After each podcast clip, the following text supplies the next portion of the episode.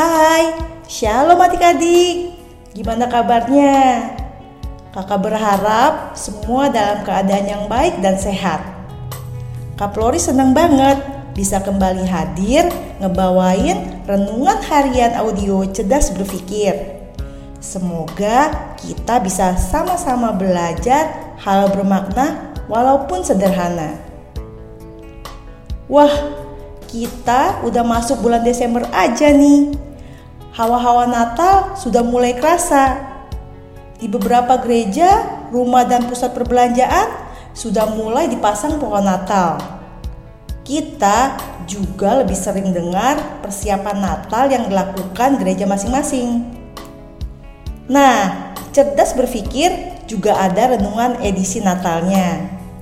Tapi nanti, sabar ya. Sekarang kita masih ada dalam edisi kisah-kisah dan tokoh-tokoh dalam Alkitab dulu. Kita lanjut ya. Singkat cerita, setelah isi bosnya tewas oleh tangan penjahat dan setelah Daud memberi ganjaran atas perbuatan para penjahat itu, Daud menjadi raja atas seluruh Israel.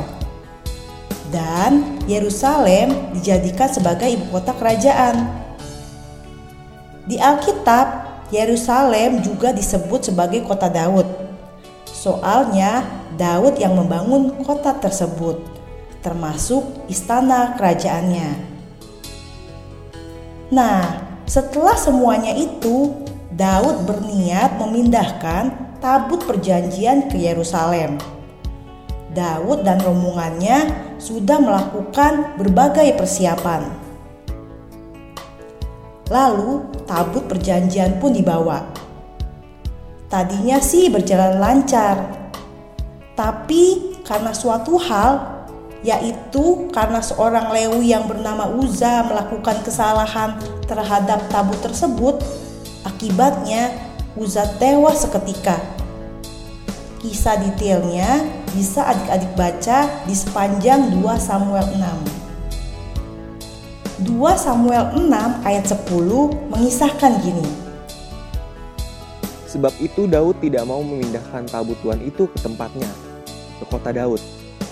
Tetapi Daud menyimpang dan membawanya ke rumah Obed Edom, orang Gad itu. Waduh, tabutnya ada di rumah Obed Edom. Salah-salah dia dan keluarganya bisa celaka tuh. Kan Uza aja tewas karena melakukan kesalahan. Hmm, tapi ternyata enggak loh. 2 Samuel 6 ayat 11 mengisahkan gini. Tiga bulan lamanya tabut Tuhan itu tinggal di rumah Obed Edom, orang Gad itu. Dan Tuhan memberkati Obed Edom dan seisi rumahnya.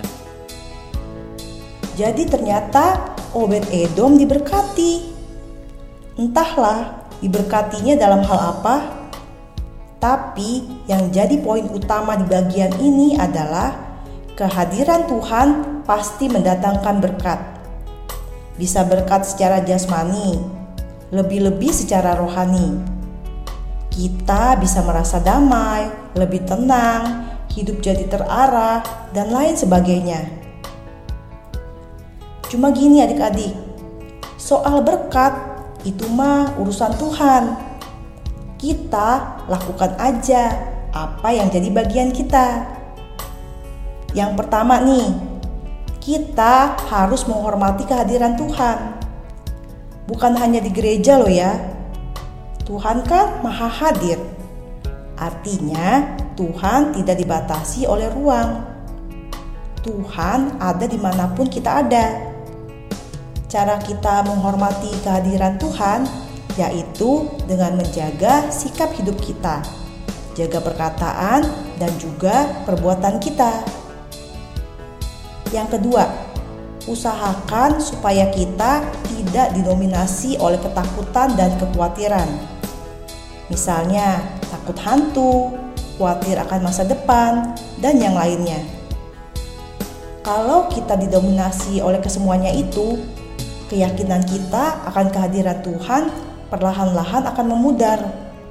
Lama-lama kita bisa tidak yakin akan kehadiran Tuhan. Yang ketiga, usahakan untuk berpikir bahwa di balik setiap peristiwa, Tuhan ingin kasih berkat rohani untuk mendidik kita. Dan itu benar loh. Roma 8 ayat 28 bilang gini. Kita tahu sekarang bahwa Allah turut bekerja dalam segala sesuatu untuk mendatangkan kebaikan bagi mereka yang mengasihi Dia, yaitu bagi mereka yang terpanggil sesuai dengan rencana Allah. Jadi, misalnya gini, entah gimana suatu hari kita kayak dibikin kesal sama beberapa orang, sama teman kita, sama guru kita, atau sama orang yang lagi lewat, dan yang lainnya. Nah, siapa tahu Tuhan mengizinkan hal itu terjadi sama kita supaya kita belajar sabar. Iya kan? Pokoknya kita harus ingat, kehadiran Tuhan mendatangkan berkat. Jadi, kita tidak perlu takut. Oke? Yuk kita berdoa.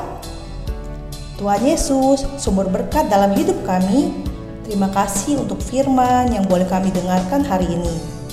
Hari ini kami belajar bahwa kehadiranmu mendatangkan berkat. Untuk itu Tuhan, kami mau menghormati kehadiranmu setiap saat. Kami mau pikiran kami tidak didominasi oleh ketakutan dan kekhawatiran. Karena kami percaya Tuhan mau memberikan berkat rohani untuk mendidik kami melalui setiap peristiwa yang boleh Tuhan izinkan terjadi dalam hidup kami. Terima kasih Tuhan Yesus yang baik. Di dalam nama Tuhan Yesus, Allah kami yang maha hadir, kami berdoa dan mengucap syukur. Amin. Oke, Kak Flori undur diri dulu ya. Tetap sehat, tetap semangat, dan tetap jadi berkat. Jangan lupa bahagia ya. Tuhan Yesus memberkati. Dadah. Bersyukur bersyukur bersyukur.